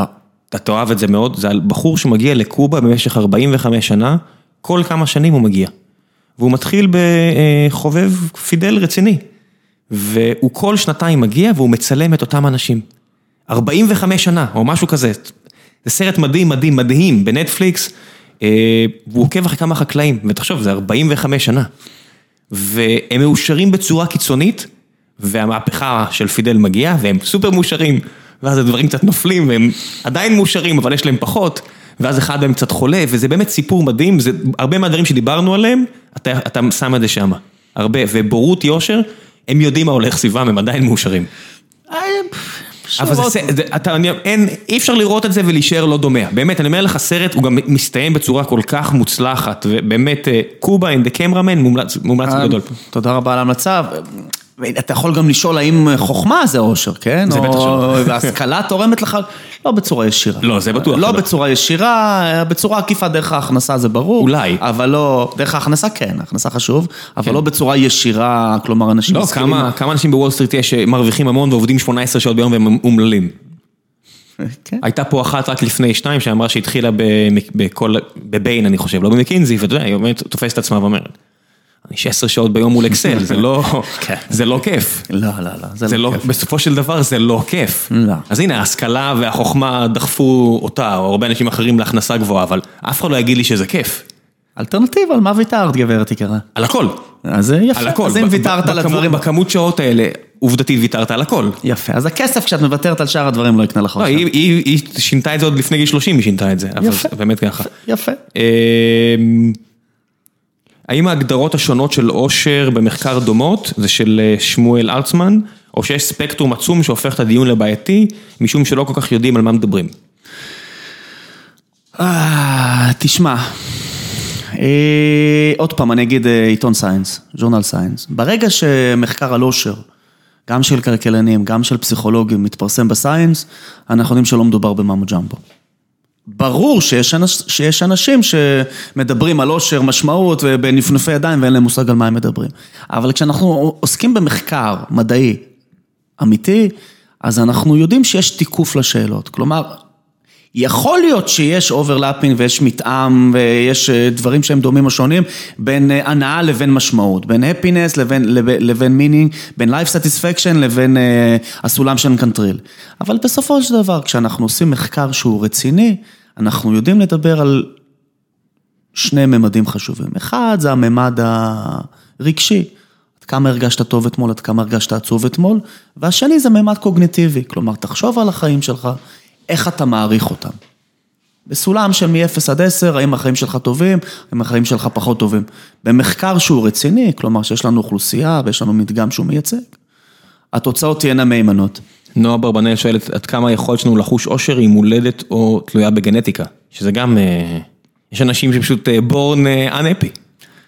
בורן unhappy או נולדו עם היכולת, או נולדו לח- או. או, או נולדו עם היכולת לחייך. כן. אז זה שוב, אז זה, זה ויכוח מאוד גדול אה, במדע, יש כאלה שחושבים, שטוענים ש-80% מהשונות באושר היא מוסברת על ידי גנטיקה, אחרים שמדברים על 50 או על 30%, מרכיב הגנטי הוא חשוב. מרכיב הגנטי הוא חשוב. אין, אני לא חושב שמישהו היום אומר שגנטיקה מסבירה 80% מהשונות. מה זה המספר הזה? גם אתה יכול לזרוק איזה מספר שאתה רוצה. נכון, אבל במחקרים, שוב, אני מדבר על מחקרים, אנחנו מדברים על 30 עד 50 אחוז. אתה יכול להגיד חשוב, לא חשוב, כן. שזה עניין גנטי, נכון, היכולת שלך למשל ליהנות, היכולת שלך לחייך, היכולת שלך להעריך את החיים שלך, אבל עדיין יש מספיק מקום להקצאה נכונה יותר של המשאבים שלכם. אה, דניאל רור שואל, האם יש קשר בין אושר לבין מדינות קרות חמות מבחינת מזג אוויר? שמעתי את זה הרבה, ואני חייב להגיד לך, יש לנו פה עובד סקנדינבי ועובדים. שניים כבר מגרמניה, בצפון גרמניה, סופר מאושרים, וגם מספרים לי שכולם בדנמרק סופר מאושרים, מדינה מאוד קרה, הוא שולח לנו תמונות לפעמים בחורף שהוא לא יכול להוציא את הדלת, כי השלג לא נותן לו אפילו לפתוח את הדלת. הוא סופר מאושר. אז שוב, אז א', אנחנו יודעים שהמדינות הכי מאושרות, לפחות לפי נתוני האו"ם, הם. המדינות האלה, סקנדינביה זה פינלנד או דנמרק, זה לא באמת משנה, קר שם. אבל במחקר מאוד מפורסם של קהנמן, שהוא מדבר שם על אשליית המיקוד, הוא באמת רצה לדעת, האם האנשים בקליפורניה יותר מאושרים? מניו יורק. אה, אני חושב שהוא דיבר על סיאטל, אני לא זוכר, אה, השווה, כלומר... לא, אבל, אבל סיאטל זה גם גשם, זה, נ- זה לא סתם נכון. קר חם, זה גם ו- 200 ימי גשם בשנה. כלומר, האם כשאתה חושב על מדינה כמו קליפורניה, שבה השמש זורחת, ו... מזג אוויר ו- מושלם. ומזג אוויר מושלם, האם האנשים שם יותר מאושרים? והוא גילה שלא. והוא, קש... והוא חיבר את זה למושג שנקרא אשליית המיקוד. כשאתה חושב על משהו, אתה מייחס לו משקל יתר. כלומר, כשאתה נמצא עכשיו באמצע, במינסוטה, וחורף הרסני, ואתה חושב על איך החבר'ה בקליפורניה מאושרים ומרוצים, אתה מייחס לזה חשיבות יתר. בפרגו הם נראים שמחים. נכון, אבל... דלות. כן, הייתי שם, כן, נחמד. היית שם בדיוק עכשיו, כן, לפני כן. שנה. נראה נחמד, לא יודע, אנשים מאושרים. כן, כן, יש שם... זה גם מדינה מאוד עשירה, זה גם עוזר, מינסוטה. מנסות המדינה עשירה, בהחלט. אבל לא, עוד פעם, לפי קלמן, אה, האנשים בקליפורניה מאושרים. אין- או אין- לא- אין או להם לא מאושרים. אין להם פרמיית עושר בגלל שהם גרים במקום אה, חם ונעים, מהטעם המאוד פשוט, שהם פשוט התרגלו לזה. כשהם חיים, הם לא מייחסים לזה עכשיו הרבה חשיבות. בעוד שמי שגר במדינה קרה, חושב שאם הוא יעבור לקליפורניה ויהיה לו מזג אוויר טוב, החיים שלו ישתפרו. לא. אה, גלעד לבנת שואל, אשמח לדעת מה אתה חושב על טרנד אי הבאת הילדים והקשר של זה לאושר. אה, בוודאי, דיברנו על זה, הרי כן. אמרנו שאם בגיל, אם בשלבים צעירים, אז הבאת ילדים יכולה להיות טראומה, יכולה להיות פשוט טראומה להורים. או שלא, לא יודע, זה תלוי גם במסגרת התרבותית. תלוי איפה נמצא, אני, אני רואה למשל, לא יודע, מתנחלים וכאלה, או ציונות דתית, שעבורם ילדים זה אושר, זה משוואה מאוד קשה, אולי הם מסתירים את זה היטב. אני חושב שזה לא אותו דבר כמו בקהילה יותר הדוניסטית תל אביבית, שאתה רק חושב על מה נמנע ממך, מה נגזל ממך כל הזמן. אז שוב, אז נדבר על, על חוויה, על הנאה, ועל, אלטרנטיבית, על הנאה ועל משמעות. ילדים זה לא, משמעות. עבור- יכול להיות שעבורם זה אפילו הנאה, כי ההנאה של הקהילה שלהם זה פעילויות עם ילדים, ואז אם אין לך ילדים אתה מרגיש עצוב, כי אתה לא יכול לקחת חלק בפעילויות עם הילדים. בניגוד ל, אתה יודע, אנשים, אה, הורים שרק רוצים להתלונן בתל אביב, או לא יודע מה, באזורים האלה של פעילות עם ילדים, זה סבל, אתה יודע, המשוואה הזאת, ואז, אתה יודע, החברה יצרה את הדבר הזה בסופו של דבר. שוב, זה עניין של זמן, עניין של משאבים שיש לכם. יש לך כסף וזמן ונחת רוח לגדל ילדים. ויש לך כסף ו- ונהני, ו- אז בכלל כיף. ו- ויש לך באמת את הנחת רוח ואתה אוהב אותם ואתה לא מודאג לגבי העתיד וה... כן. מהעתיד שלהם, תביא ילדים. רובנו לא נמצאים שם. אין לנו לא את הנחת רוח, אין לנו לא את הזמן, ויש לנו את הלחץ הכלכלי. כן, ואז זה מוסיף באמת לחץ. אני יכול להבין למה אנשים בוחרים להביא פחות ילדים. למה אנשים. בוחרים להוליד פחות ילדים. כן. האם לא להוליד בכלל ילדים? זה כבר משהו שהוא מעבר לאושר ו meaning, זה עניין ביולוגי, אבל אה, אני יכול להבין למה מעבר לכמות מסוימת אל תביאו, כי פשוט אתם תוותרו על הרבה במונחי ההפינס שלכם. שוב, אנחנו יודעים יש פה גם שבאירופה... מונחים כלכליים, אתה יודע, אתה אומר, אה, עם משפחה, אני לא יודע, עם ארבעה, חמישה ילדים, היכולת של אפילו להציע להם את הפוטנציאל, נכון. להם, לאושר שלהם, נכון. יורד כנראה היום, לא יודע. הסביבה השתנתה, לא יודע, אני לא... שוב, אנחנו רואים במשפחה שלנו, זה גם אני, גם אלי, שני ילדים. אתם- אנחנו גם אולי נהיה שניים. אתם גם אולי תהיו שניים, אז- כן. אז אני אומר... כרגע אחד, כן. כן, אז אנחנו שניים, ומתוך בחירה, לא... הכל יש בסדר, אתה יודע, שניים לאוכלוסייה זה בסדר גמור. אם כן, כולם, כן. אם- בממוצע זה שניים, אוכלוסייה לא לא קטנה. לא קטנה יש ולא מספיק גדולה. אנשים שעובדים, זה לא יפן. ש... נכון. למרות שאתה יודע, עם כל הקשקושים שלי, קראתי את הספר של נדב אייל, אז זה אומר שביפן הממוצע זה 1.7, 1.8, עם כל הרעש והצלצולים, זה כל כך הרבה יותר מאשר אירופה, אני לא מבין מה אני מפספס. לא, לא אני- מכיר את כמה ילדים. אני יודע אני כנראה מעוות, כי אני רק שם, כי קראתי את הספר שלו, והוא, אני- ראיתי שם 1.7 ו-1.8, שזה נשמע לי לא לא כל כך מעט. כן, זה לא נשמע מעט. זה אומר- 2.1 שומר על האוכלוסייה, 1.7 מצמצם אותה, אבל לא בצורה דרסטית כמו ביפן. כן, כי קראתי שבאירופה יש מדינות שזה 1.1, 1.2, נכון. אבל יש להם הרבה יותר הגירה. טורקים באים. אין לך ברירה, לא יודע אם טורקים, אבל הם רק טורקים. לא, בוודאי. שלא, אני צוחק, אה, דולר טורקים, אתה יודע. כן, אבל עצם השאלה, אני יכול להבין למה העניין הזה של ילד, האם להביא או לא להביא, היא סוגיה הרבה הרבה הרבה יותר קריטית מאשר בעל ילדים, כן? זה לא, תשקיעו בזה מאמץ, כן? טוב, בוא נראה, אה, יש פה כל מיני שאלות אה, אישיות, לא הכי מעניין, הרבה אנשים שאלו פה, כי סיפרתי פה על פעם אחת שנפצעתי ובצבא והתקשרתי אליך, אתה זוכר? אני זוכר. כן, אז איבדתי אצבעות והתקשרתי אליך, מה הם רוצים, נו מה, הגעת. זה לא, הנושא של הפציעות אצלנו זה רגיש, אנחנו כן, לא... אנחנו אנשים שנפצעים, כן. אבל מחלימים טוב. כן, כן, אבל מחלימים טפו טפו בסדר גמור, כן. כן, יש אה, דוקטור אלון קובו, שפעמיים חיבר לי אצבעות, פעמיים בהפרש של שמונה שנים על היום, הפעם הבאה זה יום עצמאות 2021, אני מקווה שהוא עדיין יהיה שם בתל השומר, אם כן, זה כמו כמו בקובה, שאתה מגיע לאותו רופא כל שמונה שנים, מחבר אצבע, זה יכול להיות מאוד אה, לעניין. כן. אה, אה, בוא נראה אם יש משהו שפספסנו, יש פה הרבה שאלות שחזרו על עצמם. אה, הנה, שלמה פוקס כותב, קודם כל היה תענוג ללמוד אצלו מיקרו-כלכלה בפתוחה, אחד הקורסים שהכי נהניתי מהם, אז תודה. ורציתי לשאול ואשמח לשמוע משניכם, אה, איך אתם מגדירים את ההבדלים בין התפיסות הכלכליות שלכם, והאם הן באמת כל כך מנוגדות? לא, אין לא, לי תפיסה כלכלית. לך לא, יש, אני יש יודע. לי בהחלט תפיסה כלכלית, אבל אה, שוב, אנשים, אני זוכר את הבחור הזה, היה לי תענוג ללמד אותו ושהוא יושב בכיתה ושואלים שאלות. ובכלל, לשאול שאלות בזמן הרצאה, שאלות אינטליגנטיות, זה נותן אושר למרצה, אז תדעו לכם. כן, כי אתה יודע שיש לך משמעות. אני נהנה לשמוע כן, שהסטודנטים בוודאי. שלי שואלים שאלות ומפעילים את הראש ומעוררים אצלי. ומעוררים אצלי מחשבה כן. ואת הצורך אה, להסביר.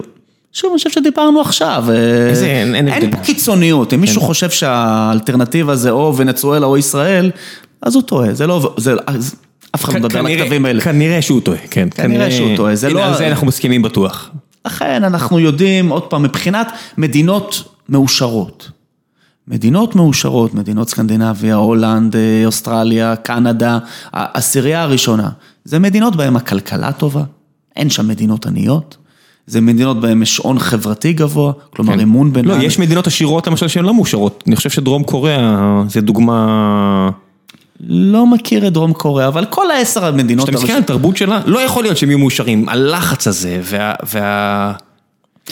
כן, אבל אז אתה והם גם יכול... סופר להג- עשירים. כן, אבל אז אתה גם יכול להגיד שההגדרה לאושר היא טיפה שונה. כי אנחנו מערבים את ההגדרה המערבית, והם נכון. באים מההגדרה של אסיה, ואתה אומר, אוקיי, אנחנו מודדים את זה אחרת לגמרי. נכון, נכון, ופה באמת חשוב הקנה, השאלה שאתה שואל, כן. וזה לא כזה, זה לא לא כזה טריוויאלי, ואנחנו יודעים, המדינות שבהן הממשלה, כלומר, תסתכלו על אה, כמה כסף הממשלה משקיעה. הרבה, הרבה, כלומר, זה לא שהמדינות שבהן המעורבות של הממשלה היא הכי קטנה, הן המדינות הכי מאושרות. נהפוך הוא, מדינות שגובים בהן מיסים גבוהים. כן, לא, אבל זה ש- שיש גם, שאתה יודע, זה לא רק, אם תיקח באפריקה 90% מס, זה לא שהם יהיו שמחים, או אפילו 60% מס. לא, אף אחד לא מדבר כי יש על... כלכלה, בדנמרק יש גם שילוב של כלכלה טובה, וגם כשלוקחים את הכסף, מנתבים אותו בצורה שהאזרחים אומרים, טוב. אבל עוד פעם, ופה גם חשוב לדעת, זה גם חשוב לדעת, ופה התראיין אצלך כנראה בכיר המקרו-כלכלנים בארץ, אה, מהידועים שבהם. כן, אה, זעירה ו... אה, שאתה מדבר על רובינשטיין. לא, לא, כלכלני המקרו, רובינשטיין, כמובן כבודו במקומו מונח, אבל הוא לא בתחום הזה של מקרו-כלכלה. כן, הוא הדגיש את זה. כן, הוא לא בתחום של יוסי מקרו-כלכלה. זעירה. ועליו אפשר באמת לשאול, כי הוא הרי גם בעצמו לא לא בדיוק מגדיר את עצמו כלכלן, כן? טוב, תן לי שנייה רק להגיד משהו רובינשטיין, ואז תחזור ליוסי זעירה.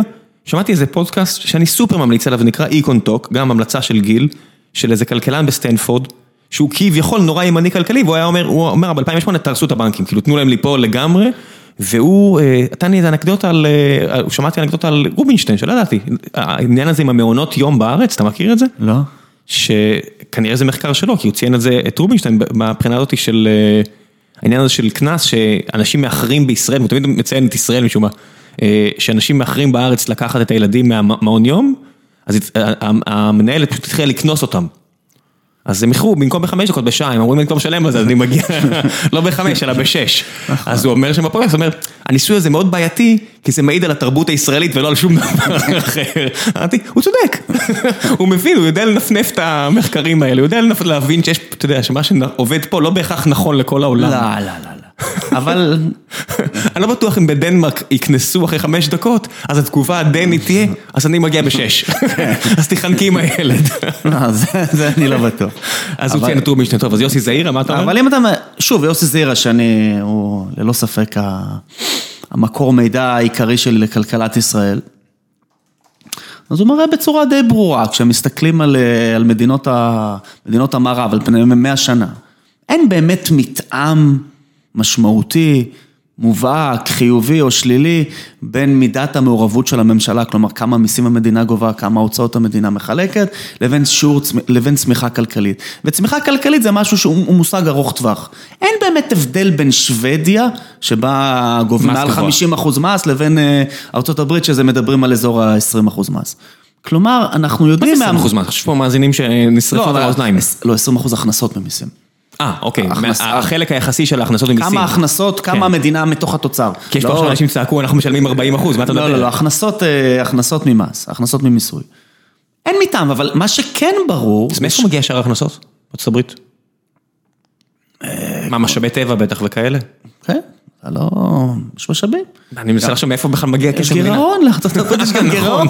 לארצות הברית יש גם גירעון מאוד גדול, זה לא ש... יש את ה-19 טריליון דולר האלה. כן, יש להם חוב, יש להם גירעון, זה לא שהם, אתה יודע, חזרו למקורות של תקציב מאוזן. כן, כן, funny money, 19 טריליון דולר, אף אחד לא ישים לב. מה זה משנה, 19, 100, 200. כלומר, מאיפה מביא כסף? מהסינים. triple A. הסינים קונים. הסינים מקבלים ניירות וקונים את החוב האמריקאי. יאללה, 10, אנחנו תכף הופכים לדעת. יש לך המלצה למאזינים לפני שמסיימים? ספר, סרט, סדרה, כל דבר. המלצת, רשמתי, הטרילוגיה הקהירית. או, הטרילוגיה הקהירית מהמם, מהמם, מהמם, מהמם. זה ספר נהדר. סרטים לא כל כך רואה בזמן האחרון. כן, גם אני לא. אבל לא, לא יוצא לי זמן לראות סרטים. לא. סדרות, רואה טלוויזיה, בכלל לא רואה חוץ מסדרות. אבל הספר האחרון שבאמת הימם אותי זה הטרילוגיה הקהירית. תשתו תה. אני כבר הרבה שנים שותה תה, ועכשיו בכלל חבר טוב. תה שחור או ירוק? זהו, שמסתבר שזה קצת יותר מורכב מתה שחור או ירוק. אבל בכל זאת? על הירוק, על השחור, על האולונג. הירוק מעולה עם הקפאין. אין בעיה עם הקפאין, זה עניין של טעם, זה פשוט עולם שלם, ומישהו מחפש המלצה טובה. תשתו כוס תה, תנוחו, תרגיעו את הראש, לא סתם הסינים עושים את זה, לא סתם האנגלים עושים את זה, לא סתם ההודים שותים תה, נהדר, פנטסטי. תשתו תה ותקראו נג'ים מחפוז. נג'ים מחפוז, טרילוגיה קהירית, אני בכל זאת אתן את ההמלצה של EconTalk, אני שומע את זה כבר הרבה מאוד זמן, רס משהו, זה פרופסור מסטנפורד, לא צעיר, סופר מעניין, מאוד הארדקור למי שבא לו, זהו, תודה רבה אריק. תודה רבה ראם על ההזמנה. ביי ביי. תודה רבה.